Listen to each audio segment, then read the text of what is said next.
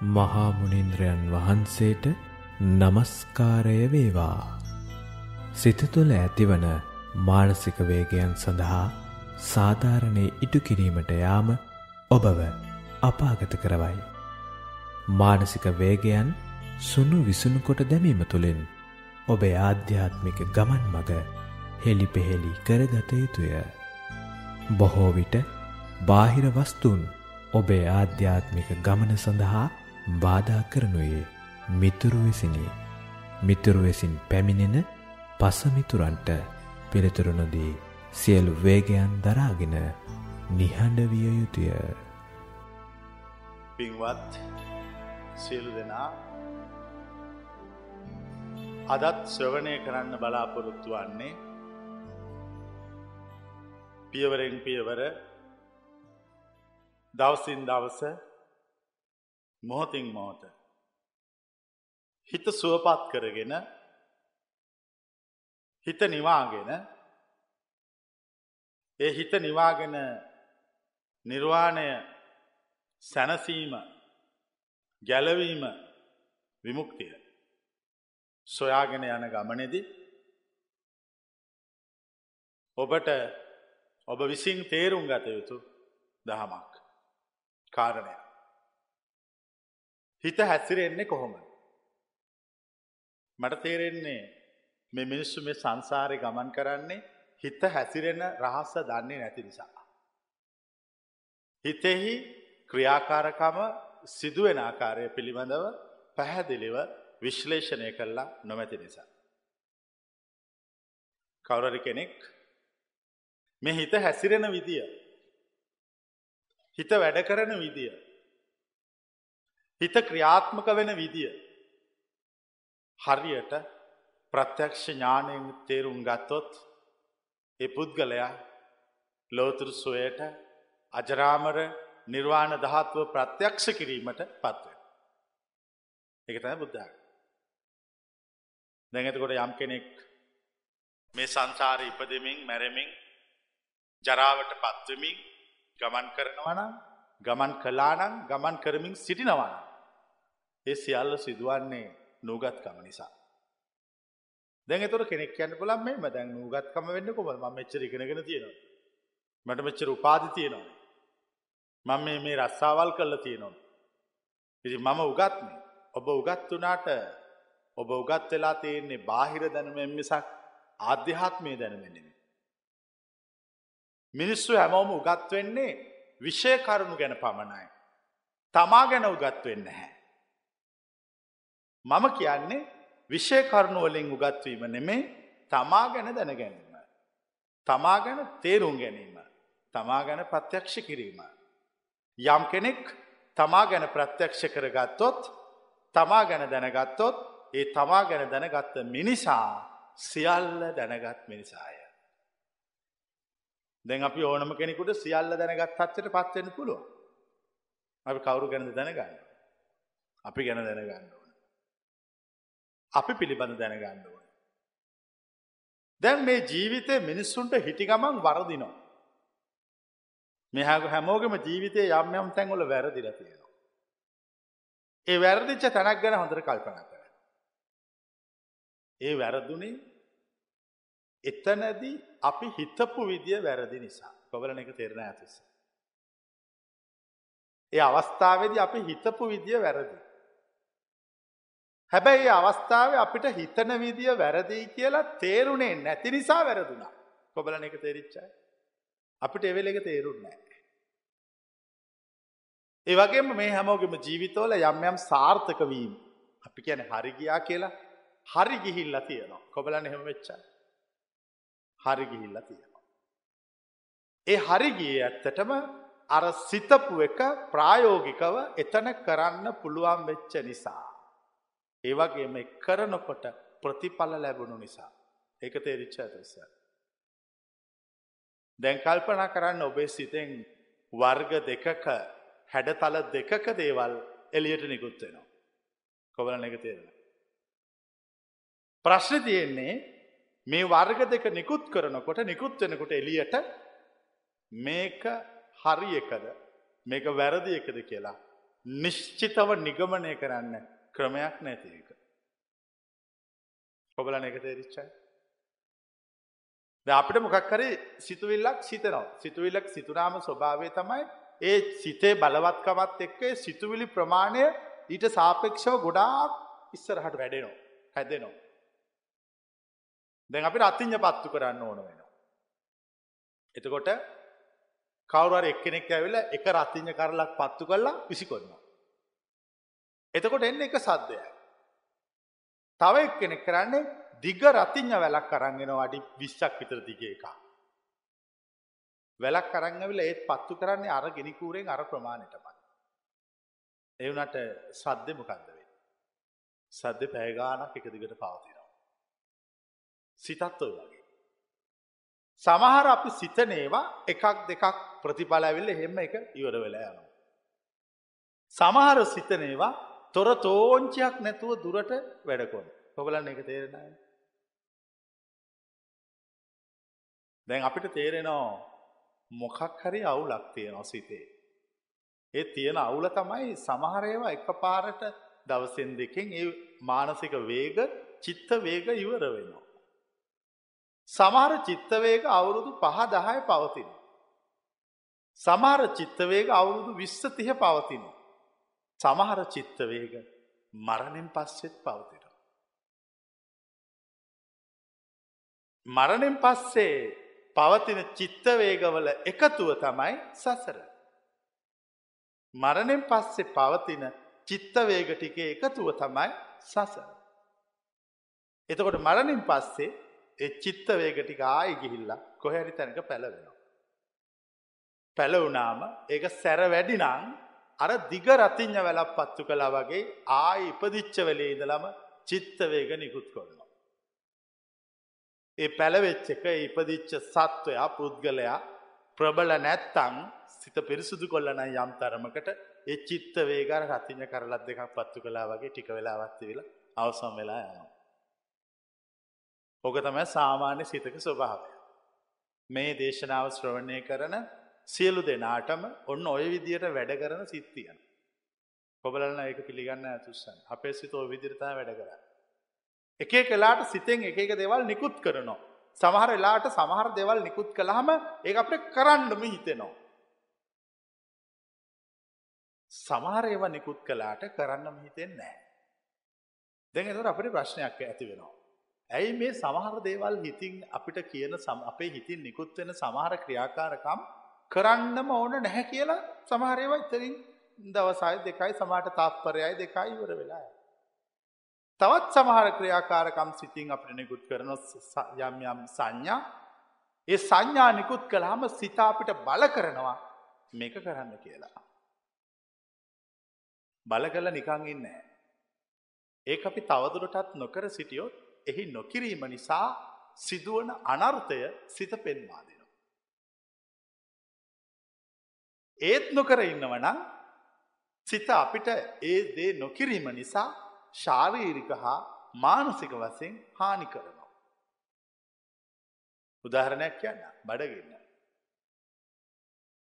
බඩගින්නක් දැනෙනවා. බඩගින්නක් දැනුණ හම ගොඩක් වැඩ තියෙන වෙලාවක නම් මොකක්ද වෙල යන්නේ. බඩගෙන අමතක කොබලන් එක දැනිච්චය මේ හරි ලේසීමේ බල හැබ හරි ගැඹුරු මේ කියන කතාව නැවතක වෙලාව. මොකක්කරි ප්‍රශ්නයක් වෙලා විත මොකක්කරි ලොකු කවුරරි මැරිලා හරි මොකක්කරි දැන් නැති වෙලා හරි මොකක්කරි වෙලා දැම් බඩගෙනනවාද නෑ. දැයිතම සතියක් දෙකක් තුනක් හතරක් ගිහිල්ලා මේ සියලු අර බාහිර වේග සමනය වන බාහිර වේග සම්මනය වනා ආයි බඩගන්නවා. ඒන බඩගන්න අර ප්‍රශ්නයක් තියෙනකොට තිවිච්ච බඩගින්නට වඩා දරුණු. ඒන බඩගින්න හැමතිස්සෙම අපිට උත්තර ඉල්ලනවා. ඉට පස්ස අපි එත් අද බඩගින්නක් කාවම අපි කෑම සොයනවා. කෑම සොයනකොට අපිට කෑම අත්තළඟ වගේ හම්බ වෙනවනම් බඩගින්න වැඩි වෙනවා දඩු වෙනවාද. නොන දැ කෑම තියෙනමට. දැන් අරාපු බඩගින්න වැඩි වෙනවා. උත්තේජනය කරලම කෝමරි කන්න කියල තියෙනවා. ඊට පස්සේ අපි කෑම සොයන්න ගියාම අර විදිහටම ආයෙ අපිට පණිවිඩයක් එනවා. අද කෑම නෑ හෙට තමයි හම්බ වෙන්නේ කියලා. දැන් අපි මොකද්ද කරන්නේ සිත? දැන් අපි සිතට ඒ අදහස දාලා සමනය කරනවා.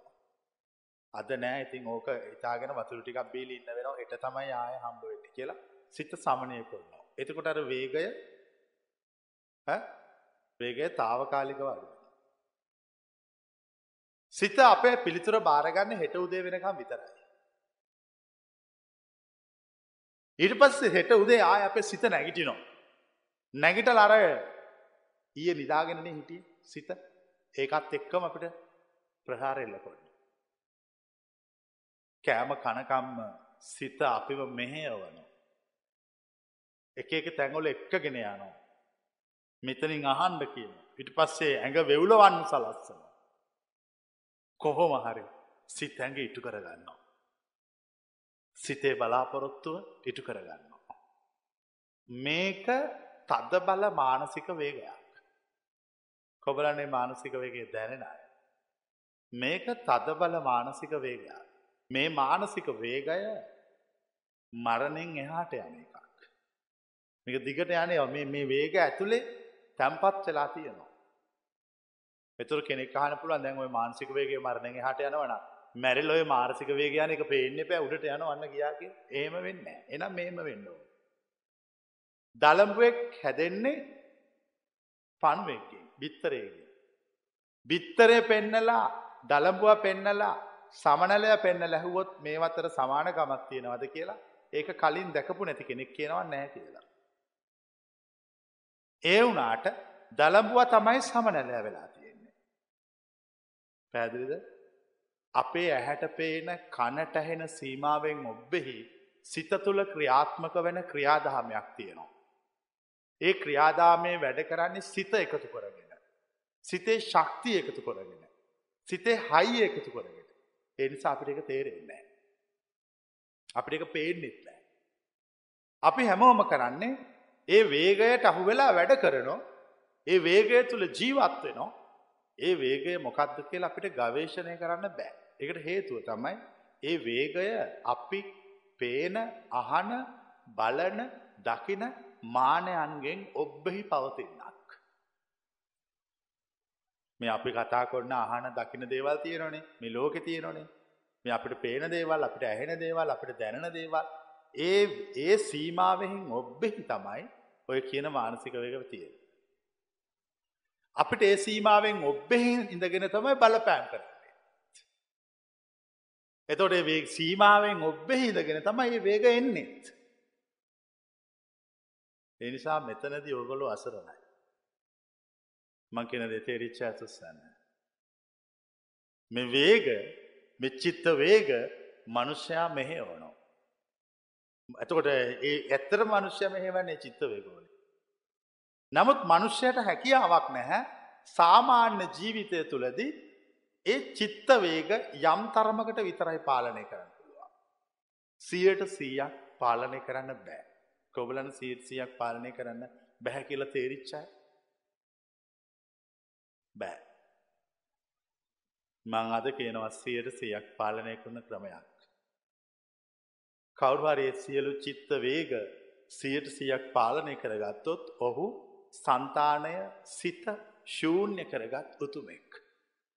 ඒ සියල්ල පාලනය කළා. ඇතරම සියල්ල අවසන් කළා. අවසන් කරන්නේ මෙහෙමයි. චිත්ත වේගය අපිට පේන්නේ නැහැ කිව්වනේ ඒක අපේ සීමාවෙන් එහා පැත්තේ ඉඳලා එන එකක් කිව්වනේ. මෙහෙම කළොත් ඔය පේන්නේ නැති සීමාව කැඩුවොත් ඔය පේන්නේ නැති සීමාව පුපුරවල හැරියොත් එතකොට පටන් ගන්න තර අපිට හම්බ වෙනවා.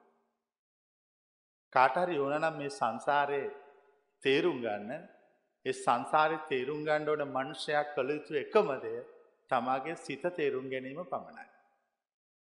එච්චරයි කරන්නේ. කවුරු හරි සිත තේරුම් ගත්තොත් ඒ සිත තේරුම් ගත මනුෂ්‍යයා සංසාරය පිළිබඳ සියල්ල දන්නවා.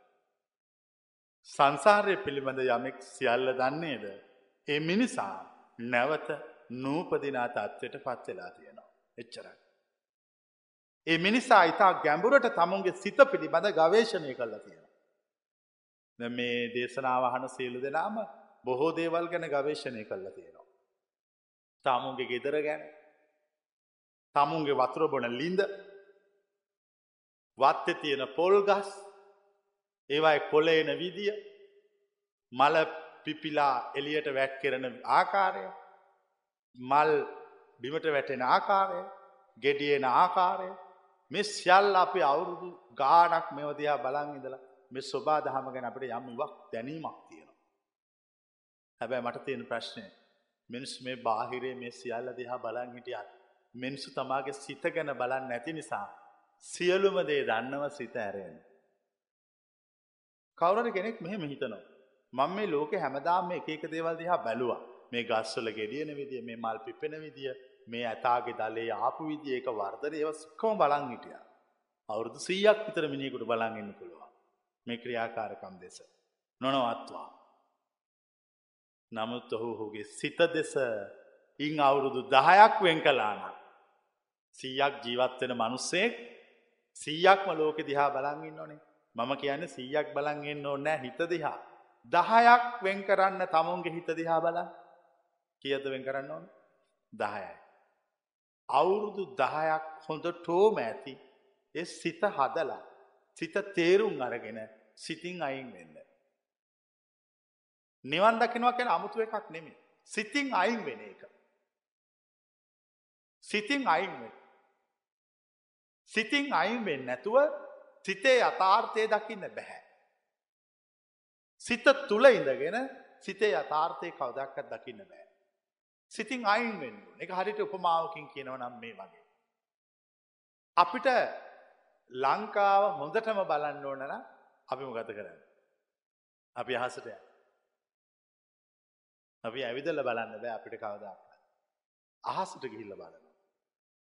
මම කියන්නේ මිනිහෙකුට සිත බලන්න ඕන වුණොත් සිතෙහි යථාර්ථය දකිින් ඕනුනොත් ඒ සිතේ යථාර්ථය දකින මිනිහා තමුන්ගේ සිතින් අයින් වෙන්න ඕන. තමුන්ගේ සිතින් අයින් වුණයින් පස්සේ ඒ මනුෂ්‍යයට තමුන්ගේ සිත පිළිබඳව සියල්ල පේනවා. සියල්ල වැටහෙන. සියල්ල ප්‍රත්‍යක්ෂ වෙන.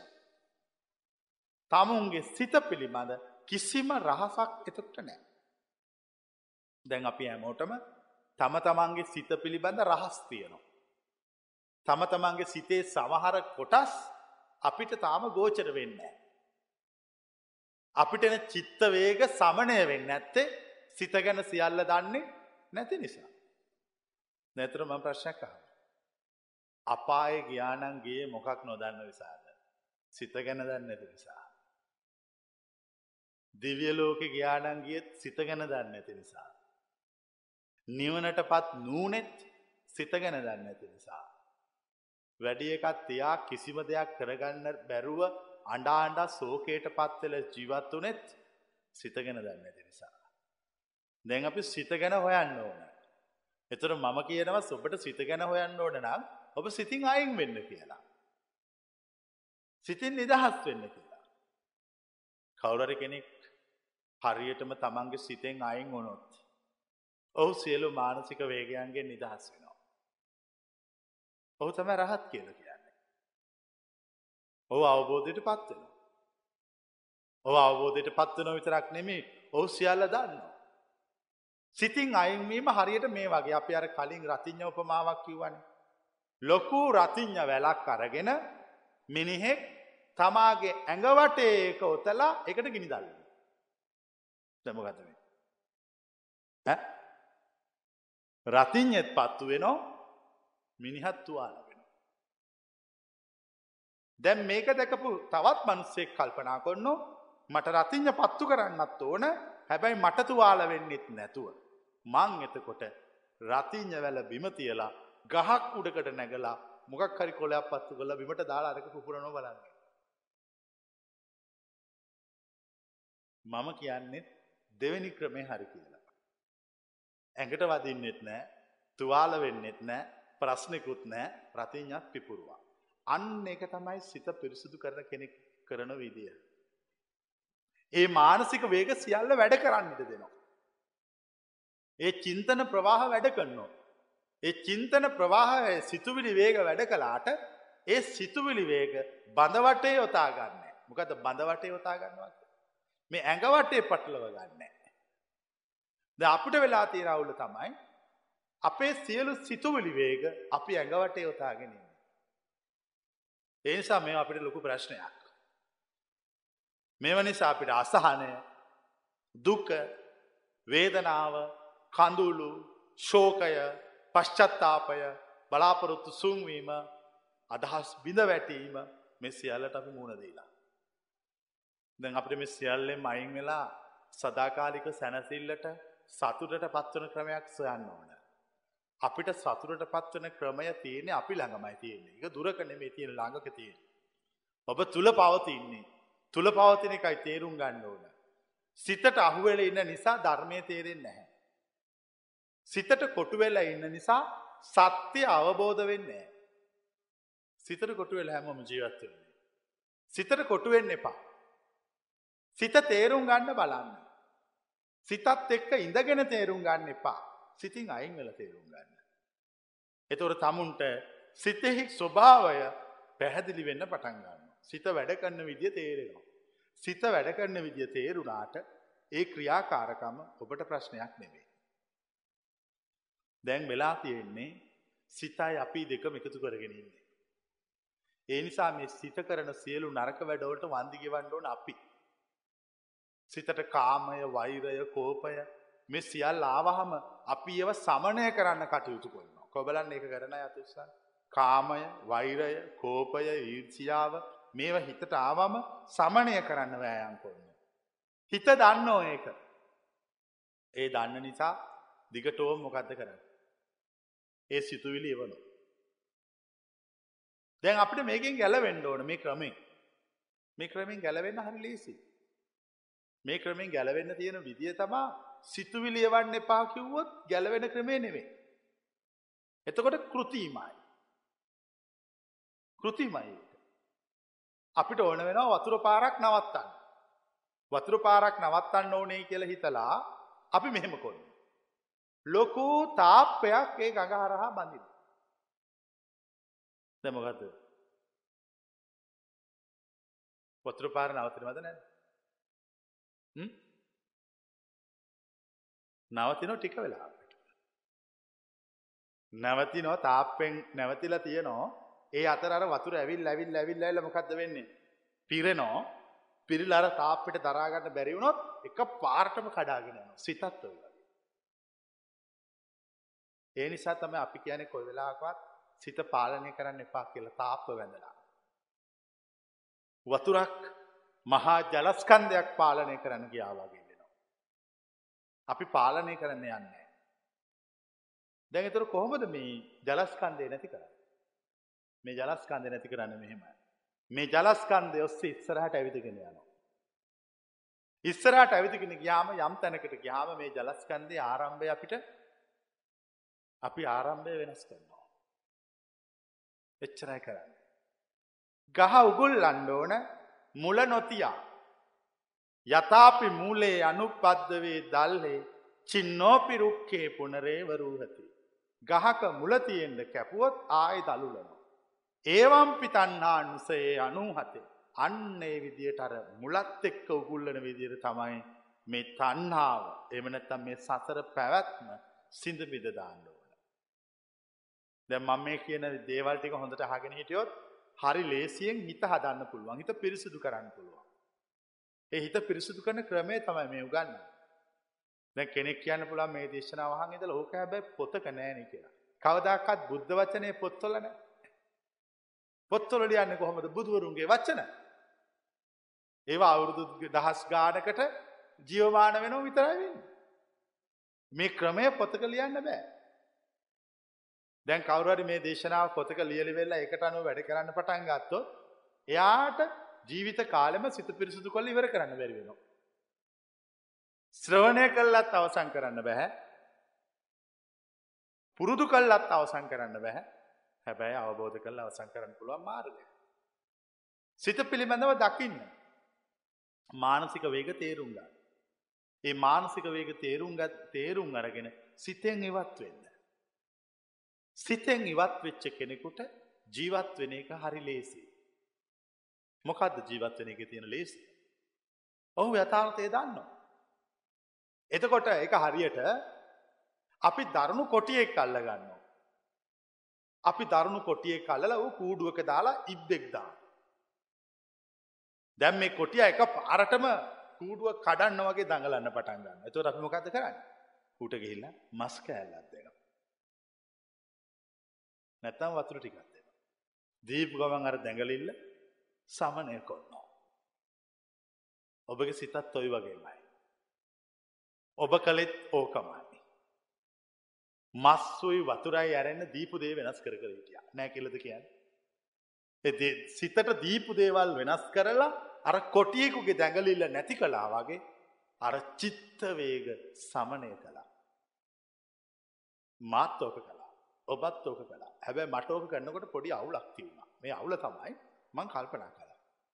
දැන් මේ කොටිය දඟලන්න පටන්ගත්තාම් මම්මූට වතුර දෙනවා. මම්මූට මස් කෑල්ලත් දීලා මුගේ දැඟලිල්ල අඩු කරනවා.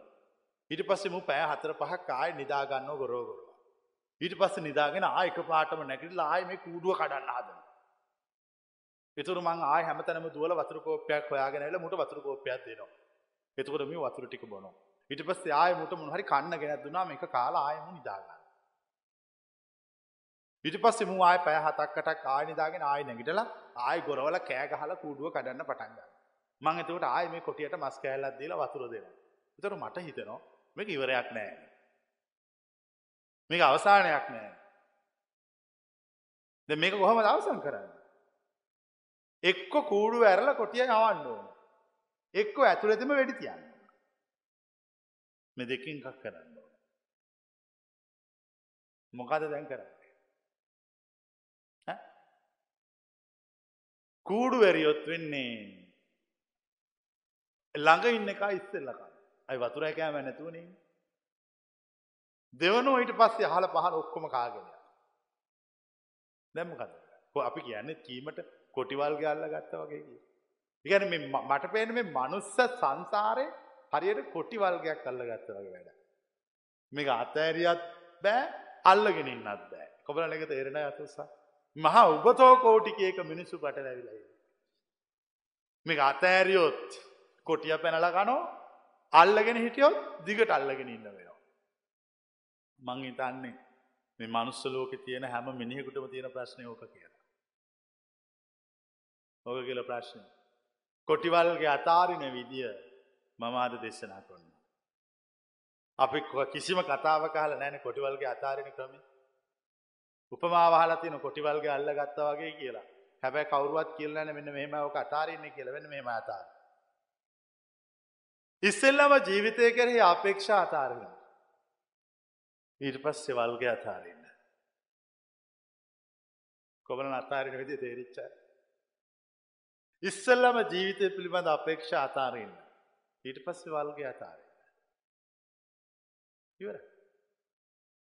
ඉතින් ඔය උපමාවත් තිබ්බ කතාවත් තිබ්බ අතාරින කෑල්ල දැනගෙන හිටියන ඔන්න කතාරින කෑල්.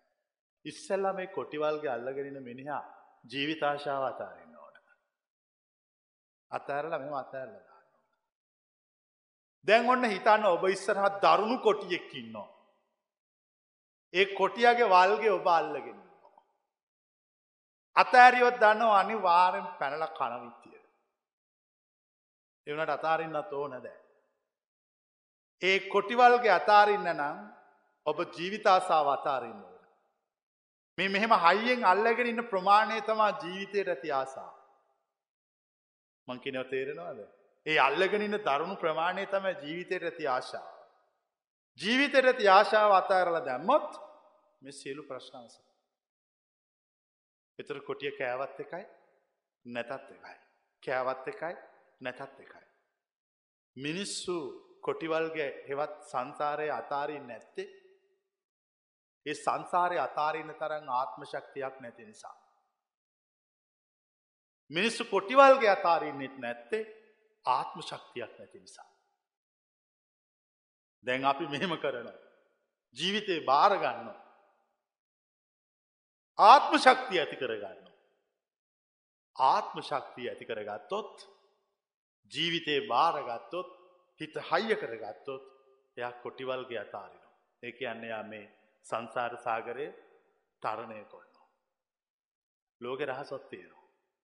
ජීවිතය බාරගත්තොත් ආත්ම ශක්තිය ඇති කරගත්තොත් මරණ බය දෙවැනි කොළොත් ඒ සියල්ලෝම ජයග්‍රහණය කොන්නවා.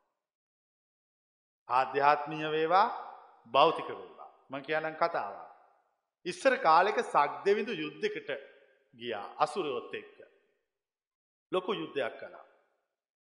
කල් ඉවරනාම සක්දෙවිඳුගේ හමුදාව දුරුවල වුණ. එතකොට සක්‍රය මාතලීති කිව්වා මාතලී දැන් අපිට මේ අධර්මයක යුද්ධ කරන්න බැහැ අධර්මය බලවත් වෙලා ධර්මය දුරුවල වෙලා දැන් මේ අධර්මය කොයි වෙලාවක හරි ඇවිල්ල මේ ධර්මය විනාශ කොන්න මාතලී දැන් කරන්න තියෙන ඥානවන්තම වැඩේ ධර්මය නියෝජනය කරන අපි පසුබසින්න ඕන කිව්වා. සක්දමිදු පසු බැස්සා. මාතලිත් එක්ක. කරත්තේ රතේ හරෝගෙන පැනල දිව්වා. පැනල දුවනකොට ඒ කැලේ තිබිච්ච කූඩුවල කුරුල්ලො බිත්තරදා. බිත්තර බිදෙන. සක්දවින් දෙතකොට මාතලිට කතා කරුවා මාතලේ අපිට මේ කැලෙන් යන්න බැහැ. මේ කුරුළු කූඩු ඔක්කොම කුඩු කරගෙන යන්න වෙන්න. බිත්තර බිදෙනවා. මාතලි අපි රතේ හරවන. එතුර මාතලෙකු අපි රතේ හැරෙව්වොත් අධර්මය අසුරයෝ අපි පස්සෙන් ඇවිල් අප විනාශ කරනවා. කමක් නෑ හරවන්න කිව්වා. මඟන්න සක්දයුතු මොකත භාරගත්තේ. මරණය භාරගත්ත.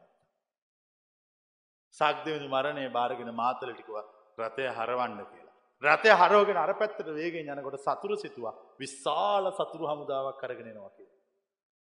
මෙච්චර බයනැතිව. එතකට අසුරයන්ගේ නායකය වෙච්ච වේපචිත්ති කිව්වා එනපොට හොඳ නෑ. දුවපු සක්‍රයා ඉස්සරහට හරෝගෙන ඒවේගෙන් මෙනෝ අනිවාරෙන් සක්‍රය මොකක් හරි සක්‍රය හරි කපටිය මොකක් හරි කරලා ඇති. විශාල හමුදාවක් දෙවනෝ ජීවමාන වේවි. එතකොට අපේ ජීවිත අපිට නැති වෙනවා. ඒ නිසා අපි දැන් අනිත් පැත්ත හැරෙමු. අපි දුවමු කියලා අර මහා සේනාව හරවගෙන අසුරයා දුවලා අතුරුදහන් වුණා සක්‍රයා දිනුවා. මට තේරෙන්නේ මිනිහෙක් ආත්ම ශක්තිය ඇති කර ගත්තොත් ඒ සංසාරය කෙන කොටිවල්ගේ අතාරි. හැබැයි කොටිය ටිකක් දරුණු. කොටියට සැක හිතුනොත් වල්ගේ අල්ලගෙනින් එක වල්ගේ අතාරින්නයි කියලා ලෑස්තිය එතර කොටියම කද කර. කොටියා උපායක් යොදනවා තමන්ගේ සැර වැඩි කරගන්න.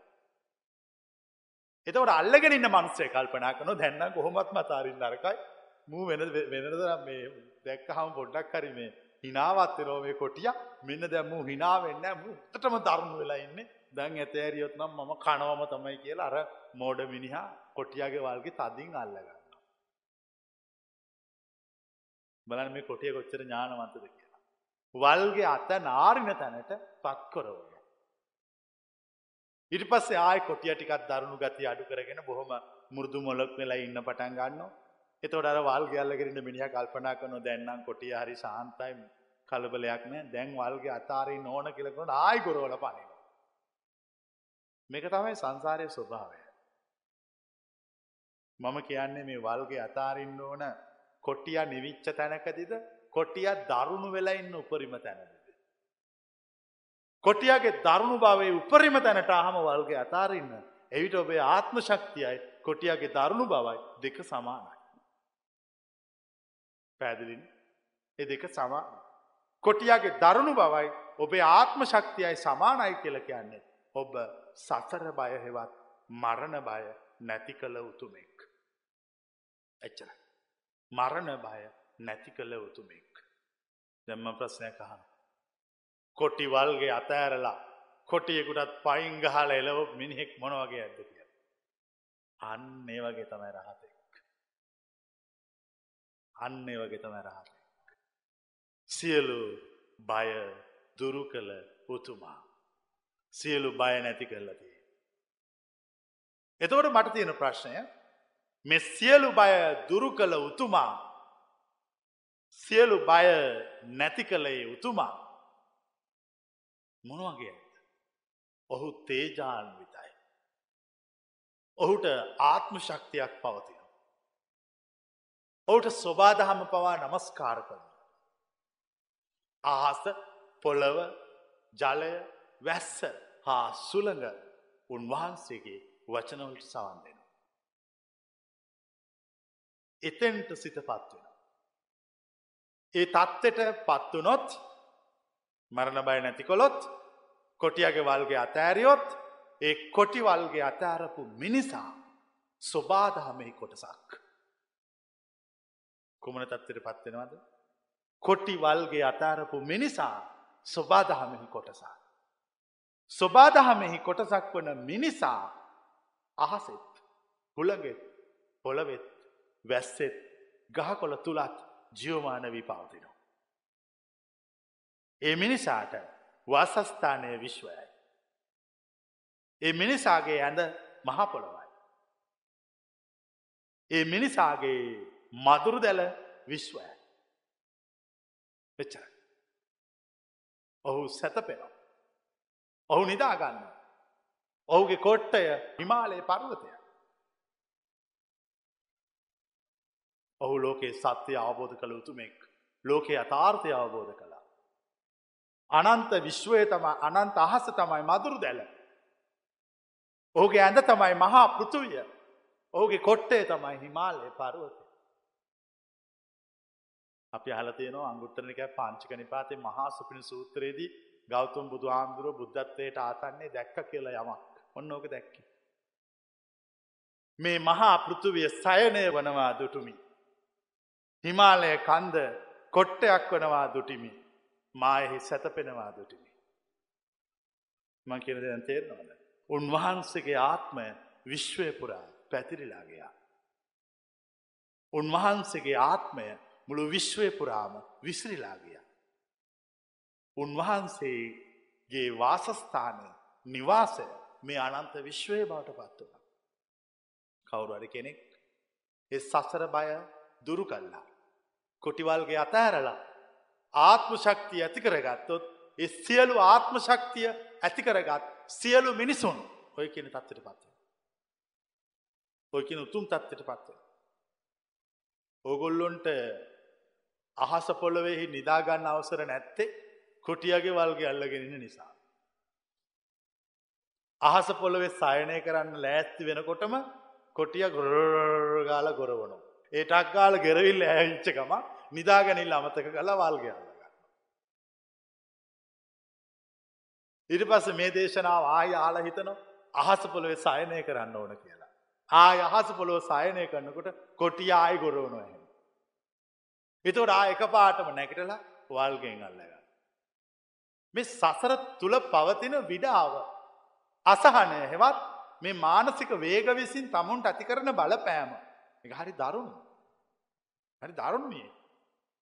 සමහට ඒක සියලු ධනය නැති කරන්න හැදිච්ච එකක් වෙන්න පුළුවන්. දැන් අපි අහලා තියෙන සමහර කතාවල සමහර මිනිස්සු හොඳට ධනවත් කෝටි ගණන් ධනෙ තිබිච්ච මිනිස්සු බේබදුකම් කරන්න ගිහිල්ලා ඒව කරන්න ගිහිල්ලා ඔක්කොම ධනය නැති කරගත්තා. හිඟා කාලති. ඇයි එහෙමුණේ. ඔහුගේ සිතින් නිෂ්පාදනය වෙච්ච මානසික වේග. ඒ මානසික වේග අල්ලගෙන ඒ මානසික වේග එක්ක ජීවත් වෙලා ඒවට සාධාරණ ඉෂ්ට කරන්න ගිහිල්ලා. අන්තිමට අපාගත වුණා. ඒ වගේම මේ ආර්ය මාර්ගේ කවුරු හරි වඩන්න ගියොත් එයා එයාගේ සිත තුළ නිෂ්පාදනය වෙන මානසික වේගයන්ට සාධාරණ ඉෂ්ට කළොත් මොකද වෙන්නේ? කවදක්වත් මේ දේ කරන්න බැරි වෙනවා. මානසික වේගවලට සාධාරණ ඉෂ්ට කොළොත් ඔබ කොටිය කනෝ. මේ ආර්ය විනය කාට හරි තේරිලා ඔහු කල්පනා කොන්නවා මං මේ මානසික වේගවලට සාධාරණ ඉෂ්ට කරන්නේ. මං මේ සියල්ල කඩා සුණු විසුම් කල්ල දාන. මං මේ සියල්ල අලු දූවිලි කල්ල දාන. මම හිත හයිය කරගෙන දේශනා කරපුතු මාර්ය මාර්ගයේ පත්්‍යක්ෂ ඥානයෙන් දකින්න වෑයන් කොට. අන්න එයා අර මානසික වේගවලට සාධාරණ ඉෂ්ට කරන්නේ. සිත හරි කපටි. සිත දැනගත්තොත් අයිතිකාරය නිවන් දකින්න හදනවා කියලා මොකක් දැනගත්තොත්. සිතේ අයිතිකාරයක් නිවන් දකින්න හදනවා කියලා සිත දරාගන්න බැරි මානසික වේග නිකුත් කොන්නවා. මං කියන්න එක හරි කියලා සිත කරන්න වැඩි. ඒ දරාගන්න බැරි මානසික වේග නිකුත් කළහම අයිතිකාරය එවට බය වෙන. අර කොටිය ගොරවනය කියන්න ඒකයි. කොටිය ගොරවනෝ. දරාගන්න බැරි මානසික වේග සිතින් නිකුත් වෙනවා. ඒ කියන්නේ ඔබේ කොටිය දැම් ෑම නැතුව වතුර නැතුව ගොරවන්න පටන් අරගෙන. දැන් කොටියට අතාරි නරක හයියෙන් බයනතුව අල්ල ගන්න ඕන. ඔය මානසික වේග යම් යම් බාහිර වස්තු චලනය කොරවනු. යම් යම් තීන්දු තීරණ තමුන්ට ගන්න කියන. කිසිම එකක් කරන්න එක. කිසිම එකක් කරන්න එපා. ඒවට සාධාරණ ඉෂ්ට කොළොත් ඒ මානසික වේගවලට උත්තරදිදී හිටියොත් ඔබට සදාකාලික සංසාරය ඉන්න සිද්ධ වෙනවා. අර වල්ගේ අතාරන්න අවසර නෑ. කොටියගේ ගෙරවීමට බයවෙන්න එපා. දැ මෙතන හැමෝ මුණේ මොකක්ද. මේ කොටිය ගොරවන හැම අවස්ථාවකද අපි බය වුණ. ඒ කියන්නේ අපේ සිතින් නිකුත්වෙන චිත්ත වේගෝලට අපි බය වුණ. බඩගින්න කියන චිත්ත වේගයට බය වුණ. රෝග ලෙඩවීම කියන චිත්තවේගේට බය වුණ කොබල නත උසන්න මේ ඔව් ඔව් අනේ අපිත් මෝඩකමට මේවා වුණා. වයසට යාම කියන චිත්තවේගයට බය වුණා. කාමාශාව කියන චිත්තවේගයට බය වුණා. වෛරය කියන චිත්තවේගයට බය වුණා. බයවෙල සමනය කරා. මම ක්‍රමයක් සොයාගත්තා මේ කිසිම චිත්ත වේගයක් සමනය නොකර සිටින්න. චිත්ත වේග සමනය නොකර සිටින්න. එතකට කෙනෙක් බටහිර මනෝවිද්‍යාවිගෙන ගත්ත කෙනෙක් මට ඇවිල කියාවේ ඔය ඔබහන්ස කියන කතාව බටහිර මනෝවිද්‍යාවට ප්‍රතිවිරුද්ධය කියලා. ඔවු. බටහිර මනෝවිද්‍යාව ගැන බුද්ධාගම නෙවෙයි. මං කියන කතාව එකග වෙන්නේ බුද්ධාගමට. බටහිර මනෝවිද්‍යාවට නෙමේ. අපි සියලු චිත්තවේග සමනය කරන්න නැහැ.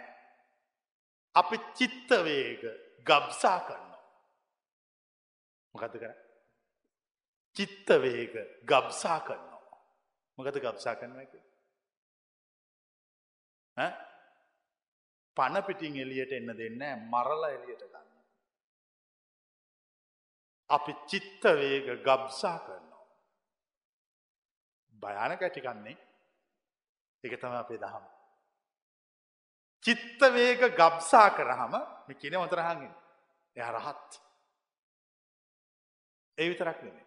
එයාගේ සිත්ත එයාට වසඟයි. කොබලන තේරිච්චය. යමෙක් යමෙකුගේ සිත යමෙකුට වසඟ වූවේද ඔහු රහතකි. ඔහු රහතෙක්. ඔහු අර සිතෙහි ස්වාභාවික ක්‍රියාවලිය සිද්ධ වෙනිට දෙන්නේ නෑ. සිතේ ස්වාභාවික ක්‍රියාවලිය තමයි පිම්පව් කුසල්ල කුසල් එක්කරමින් සසරට එකතු වෙලා ජීවත් වෙන එක. අපි කරන්න චිත්තවේගයක් ආවම එක ගබ්සා කොන්න විනාස කොන්න චිත්තවේග. චිත්තවේග විනාස කරන්න බැහැ කොටිවල්ගේ අතාරන්න නැති මිනිහෙකුට. කොටිවල්ගේ අතාරනවා කියන්නමකක්ද. ජීවිත ආසාව අතාරන්න පුළුවන් ආත්ම ශක්තිය තියෙන මිනිෙක් චිත්ත වේග ගබ්සා කොන්න. මොකක්ද කවුරු කරන්න. ජීවිත ආසාව අතඇරපු මිනිහෙක් චිත්තවේග ගබ්සා කොන්න හොඳර මතක තියගෙන ධර්මය ඔච්චර ධර්මය. ජීවිත ආසාව අතෑරපු මිනිසෙක් චිත්තවේග ගබ්සා කොන්න. චිත්තවේග සූන්‍ය කොන්න. චිත්තවේග ශූන්‍ය වුණහම එයාට සිතක් නෑ. චිත්තවේග සූන්‍ය වුණ හම එයාට හයිය ආත්මයක් පවතිනවා. හැබැයි ඒ ආත්මයට සසරක් නෑ. කොබලන මේ කියනව තේරෙන. ඒ ආත්මයට සසරක් නෑ. ඒ ආත්මයට අනාගතයක් නෑ. ඒ ආත්මයට අතීතයක් නෑ. ඒ මොහොතට පවතින. චිත්තවේග ගබ්සා කරපු උතුම් ආත්ම භාවයක් ඔහුට පවතින. ඔහු තමයි රහත්. කාටහරි පුළුවන්නම් තමුන්ගේ සිතේ පහළ වෙන සියලු චිත්තවේග විනාස කරන්න. එකට විශාලාත්ම ශක්තියක් ඕන. හිත හයියවල තියෙන්ඩ ඕන. මරණ බය නැති කරගෙන තියෙන්ඩ ඕන. මේ ධාර්ය විනය ශ්‍රවණය කල්ලා තියෙන්ඩ ඕන. කෙලෙස් වමනය කල්ලා තියෙන්ඩ ඕන. විරේකයක් බීලා තියෙන්ඩ ඕන. මොකද විරේකය අරලුබුලු නෙල්ලි අට එකට සිඳවල බිව්වට විරේකවේවි හැබැයි කෙලෙස් නැති වෙන්නේ. මේ හැමම බීල තියෙනවා. විරේක වෙනවා බඩ විරේක වෙනවා හැබැයි කෙලෙස් වමනය කරන්න බෑ. කෙලෙස් විරේක මම දෙන මේ බෙහෙත්තික පෝයදාස බෙහෙත් දෙනවා ලෙඩ් ඔක්කොටම ගෙනල්ල. ඊට පස්සේ ආය ඉරිද දවස කෙන්න කියලා ආය බෙහෙත් දෙනවා. ඔය වට්ටෝරු ටික ගිහිල්ල මාසි පුරාම දිය කළ බිව්වාම මාසෙම බඩේලිය යනවා. මොනොයි බඩේලිය කියලා යන්නේ මේ සංසාරය පුරාවට එකතු කරපු කෙලෙස්. කෙලෙස් විරේක කොන්න. කෙලෙස් විරේක කිරීම සඳහා බුදුවරු ආර්ය විරේකය පාවිච්චි කොන්නවා. ආර්ය විරේකයෙන් විරේක කොන්න. ආර්ය විරේචන සූත්‍රය කියවල තියෙනවාද. එක තියෙනොම එහෙම. මහනෙන මම මිනිසුන්ගේ සිත්වල ඇති කෙලෙස් ආර්ය විරේකයෙන් විරේචනය කරමි. ඉති මං කලෙත් එක තම ආර්ය විරේකය දුන්නා. ඒගොල්ලොය ආර්ය විරේකය ඇහුවයින් පස්සේ. ඒ ආර්ය විරේක යහල සියලු චින්තන ප්‍රවාහ ගබ්සා කල්ලා. ආත්ම ශක්තිය ඇති කල්ලා. සංසාරය නැමැති කොටියාගේ වල්ගය අතඇරන්න තරම් ආත්ම ශක්තිය ඇති මිනිස්සු බවට පත්වෙනවා. එක තමයි ඒ මාර්ගය. එච්චරයි. කවුරුවර හිත හයිය කරගත්තොත් හිත ශක්තිමත් කරගත්තොත්. ඒ හිත ශක්තිමත් කරගත්ත මිනිහා ජීවිතාවබෝධයට පත්වෙනවා. යථාවබෝධයට පත්වෙනවා. ඒ සිත ශක්තිමත් කරගත්ත මිනිසාළඟ කිසිම මිත්‍යා විශ්වාසයක් නෑ. ඒ සිත ශක්තිමත් කරගත් මිනිසා කළ යුත්ත නොකොළ යුත්ත දන්නවා. යායුත්ත නොයායුත්ත දන්නවා. පුරුදු කළ යුත්ත නොකළ යුත්ත දන්නවා. කෙටියෙන් කිව්වොත් තමා ගැන දන්න. සිත ගැන දන්න. සිතින් අයින් වෙලා. සිතින් අයින් වෙච්ච මනුස්්‍යයකුට තමාගේ සිත තුළ වැඩ කරන සියලු මානසික ප්‍රවාහයන් මානසික වේග හොඳට පේනෝ. අපි කලින් උපමාවක් කිව්වා ලංකාව හරියටම බලන්න ඕන මිනිහෙක් කරන්න ඕන වාහනයක් අරගෙන කොච්චර ඇවිද්දත් හරියටම බල ඉවර කරන්න බෑ දැම් මම අවුරුදු දොළහක් විතර තිස්සේ වාහන අරගෙන රට පුරාම ඇවිදින. ඇම්මත් තැනම ඇවිදින. මට බලලිවර කරන්න බෑ. මං ඊට පස්සෙ කරන්නේ අහසෙන් ගිහිල්ල බල. අන්න එතකොට පේෙන්. දැම්මම් මේ සිද්ධාන්තය මගේ සිතට දානවා. දැම් මංමගේ සිත ගවේශණය කළ මට ඉවර කරන්න බෑ. මේක පරාසය පලල් වැඩි. පරාසේ පලල් වැඩි නිසා මම හිත පැත්තකට දාලා හිත හැසිරෙන විදිය විතරක් බලන්ගන්න එලියදගෙන. දැම් මංමගේ සිලු චිත්ත වේගවලින් ඉවත් වුණා. මිදුනා සිසිල්ලුනා. අර කලින් විදියට කිවොත් සියලු චිත්තවේග ගබ්සා කලා. ඒ විතරක් නෙමේ ගර්භාෂයත් විසි කල්ල ලැබවා. කොවලන්න මං කිපික තේරිච්චාය. මමයි උපදවන්න නැහැ. උපදවන්න දායක වෙන්නෙත් නැහැ. මාම අවසන්. මේක තමයි අන්තිම භවය ගර්භාෂය පිසි කර. අත දාල ගලවල. ඉවර. මේ චින්තනය තමයි මිනිස්සු නැවත නැවත ඉපැද්දුවේ. මේ සිත තමයි මේ සංසාරය. සිතෙහි සකස්වීම තමයි පිම් පව්හා කුසල් ලකුසල්. අපිට මේ සංසාරය දුවන්න වනේ සිත සකස් කරපු නිසා. සිත සකස් කරන්න උදව් වනේ මේ භෞතික හැඩතල. මේ පිම් පව් කුසල් ලකුසල් අපි රැස් කරේ මේ භෞතිකය දිහා බලන්ගෙද. මං එතකොට මේ භෞතික දෙස බලන්ගෙදලා මේ භෞතිකයට බැඳිලා ආසාවෙච්ච නිසා තමයි මගේ සිත හැදුනේ. ඒ හැදිච්ච සිත මාව අයාලේ ඇව්වා. පාර වැරැද්දවා. ඒක හරිට අපි උපමාවකින් දේශනා කළා කොට්ටි වල්ගයක් කල්ල ගත්ත වගේ වැඩක් මට වුණේ. මේකෙන් මට ගැලවෙන්ට ක්‍රමයක් පෙනුන්නේ. මං ඒ ගැන පශ්චත් තාප වෙමින් ජීවත් වුණා. මන් දැන් හොයාගත්ත ක්‍රමයක්. මේ සියලු මානසික ප්‍රවාහ විනාශ කරන ක්‍රමයක්. මේ සියලු මානසික ප්‍රවාහ ගබ්සා කරන ක්‍රමයක්. මට එතකොට පුළුවන්ගේ ක්‍රමය භාවිතා කිරීම තුළින් මගේ ආධ්‍යාත්මය පූර්ණත්වයට පත් කරගන්න. ඒක තමයි රහත් බව. ඔන්න ඔයි තත්ත්වට කවුරුවරි ආවොත් පත් වනොත් පත් කර ගත්තොත් ඒ සියලු මානසික වේග කිසිම වේගයක් නැතුව බලන් හිටියොත්. සියලු මානසික වේග කිසිම වේගයක් නැතුව බලන් ඉන්නවා. දැ මේ එක එක්කෙනට මානසික වේගය නවා. එක එක්කෙනාටෙන මානසික වේග එක එක විදියි. සමාරුන්ටෙන මානසික වේගය තමයි කාමය. ඒ කාමය කියන මානසික වේගය එගොල්ලගේ හිතර දැඩි වාවයින් පස්සේ එගොලු එකත් එක දුවනවා. මං මෙහෙම කොන්න එවෙලෙම ගබ්සා කොන්න. ඉට පස්සේ තවත් සමාරුන්ගේ සිතරෙන මානසික වේගය තමයි කෝපය. ඒගොලොන්ගේ හිතට කෝපය ආවහම ඒගොලො කෝපයත් එක ජීවත්වෙනවා. මං හිතට කෝපය ආවහම එවෙලෙම කෝපය ගබ්සා කරනවා. තවත් සමාරුන්ගේ හිතටෙන මානසික වේගය තමයි තමන් උසස් කියන හැඟීම. මගේ සිතට තමන් උසස් මම උසස් කියන හැඟීම ආවම මං එවෙලෙම ගබ්සා කරන. තවත් සමාරුන්ගේ සිතරෙන මානසික වේගය තමයි කම්මැලිකම. කම්මැලිකම මානසික වේගයක්. ඒ වේගය රින වේගයක්. ඒක අතුරන්න බැරි. වේගවර්ග දෙකක් තියෙනවා. ධනවේග හා රිනවේග කියලා. ධනවේග තමයි කාමය කෝපය ඊර්ෂාව නිදිමත අලසකම රිනවේග.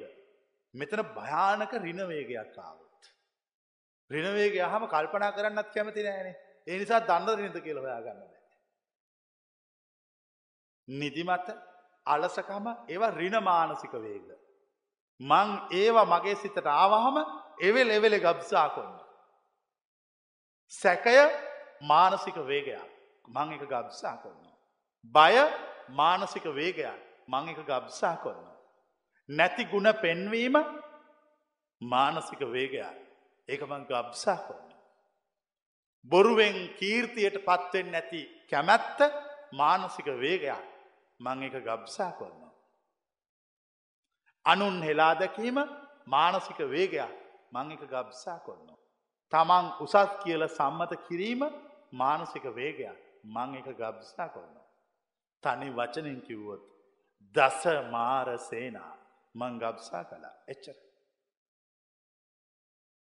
කාමය බය සැකය නිදිමස තෘෂ්ණාව බඩගින්න පිපාසාව නැතිගුණ පෙන්වීම බොරුවෙන් ලැබූ කීර්තිය හා තමන් හවා දක්වා ගැනීම ඔච්චර.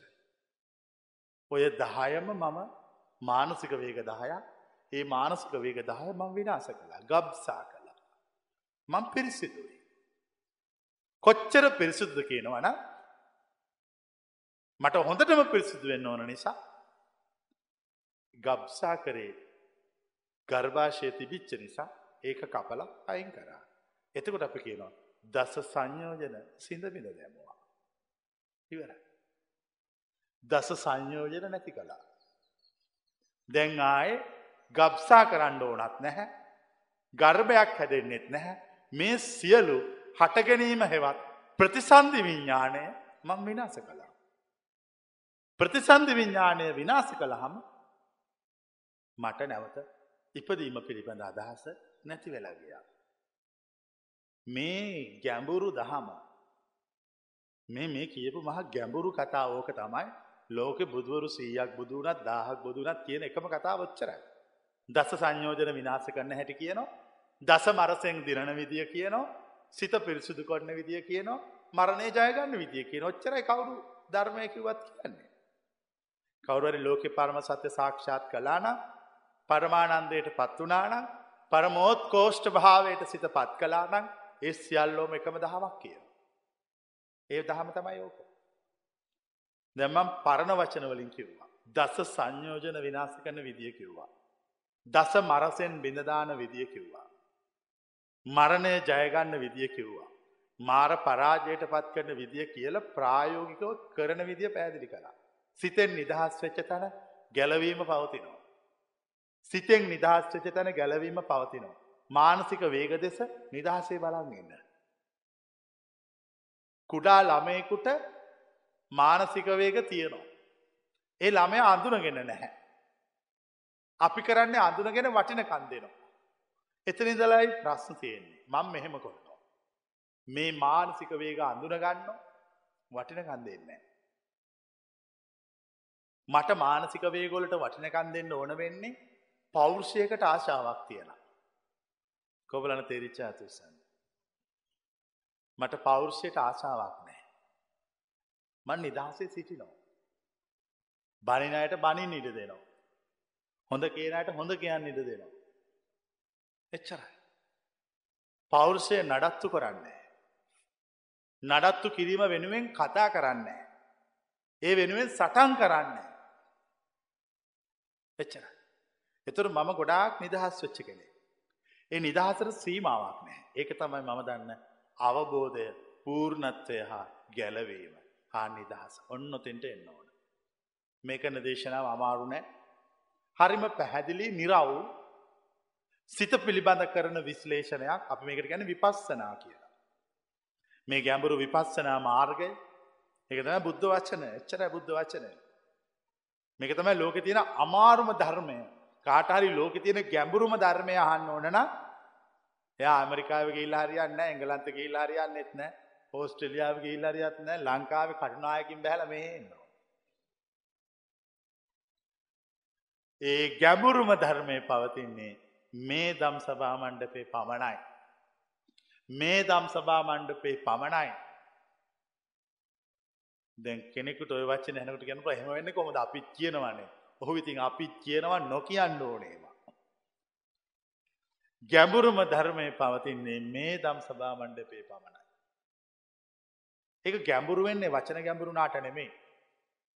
ප්‍රායෝගික ක්‍රියාකාරකම සරල වුණහම තමයි ධර්මය ගැඹුරුයි කියන්නේ. ප්‍රායෝගික ක්‍රියාකාරකම සරල වුණහම කියනෝ ධර්මය ගැඹුරුයි කියලා. අපි ධර්මය ගැඹුරුයිකුවේ ලොකු වචන කිව්වොත්.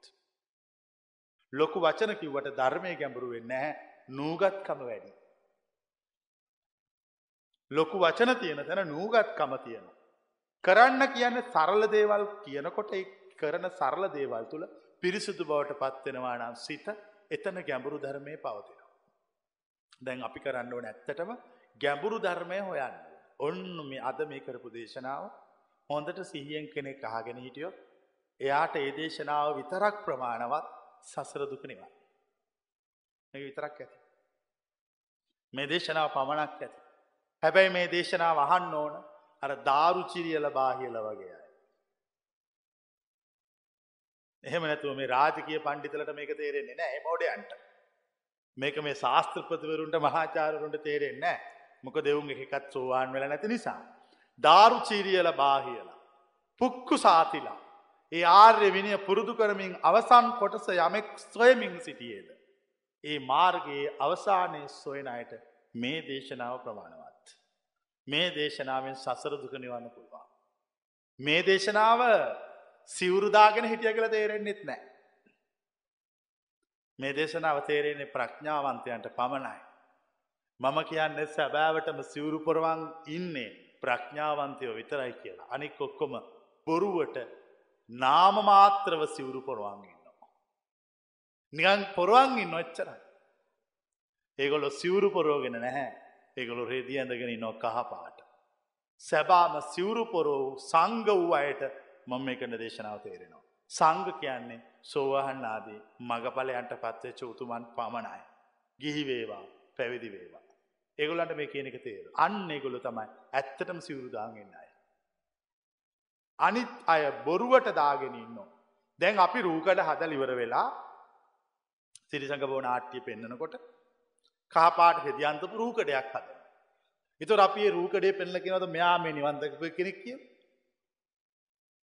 සිවුරක් ඇන්දට ශ්‍රමණයෙක් වෙන්න නැහැ. සිවුරක් ඇන්දට පිරිසිදු වෙන්නෙත් නැහැ. චුල්ල අස්ථපුර සූත්‍රය මජ්්‍යමනිකායි. සිවුරු ඇන්දම පිරිසිදු වෙනවනා දෙමවපියෝ කරන්න ඕන ළමා ඉපදිච්ච ගමන් ඇඳුම් අන්දන්න නැතුව එක පාර්ටම සිවුරු පොරවන්ඩෝ.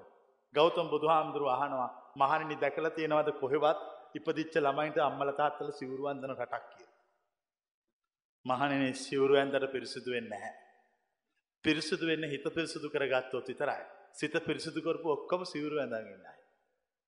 කොබලන එක තේරිච්ච ඇතුස්සයි. සිත පිරිසිදු කරපු ඔක්කොම සිවුරු ඇඳගෙන ඉන්නේ. සිවුරු අඳින ඔක්කොම සිත පිරිසිදු කොල්ල නෑ.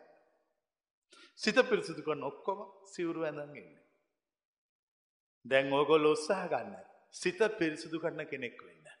එයා තමා සැබෑවටම සිවුරු පොරවන්නා. එහෙම නැත්තං අනිත් අය ඔක්කොම තෙය සංවාස. තෙය සංවාස කියන හොරමහනෝ. හොරමහනෙක්. හොරමහනෙක් කියන්නේ හොරට සිවුර ඇඳන් ඉන්නවා. හොරට සිවුර ඇඳගෙන ඉන්නවා. ඒගොල්ලෝ ඇඳගෙන ඉන්නවා. ඇඳුම කාගෙද කියලා දන්නෙත් නෑ.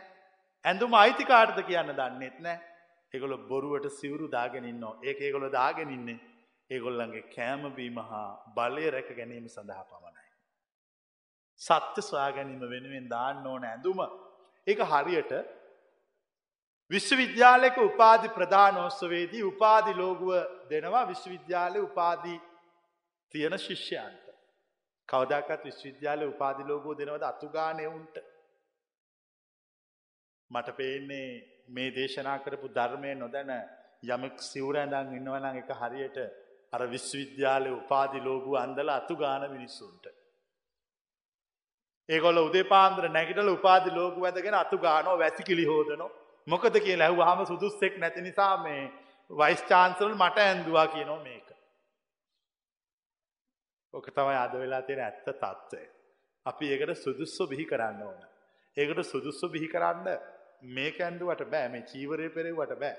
ප්‍රඥාවෙන් පිරිසිදු වෙන්න ඕන අධ්‍යාත්මය.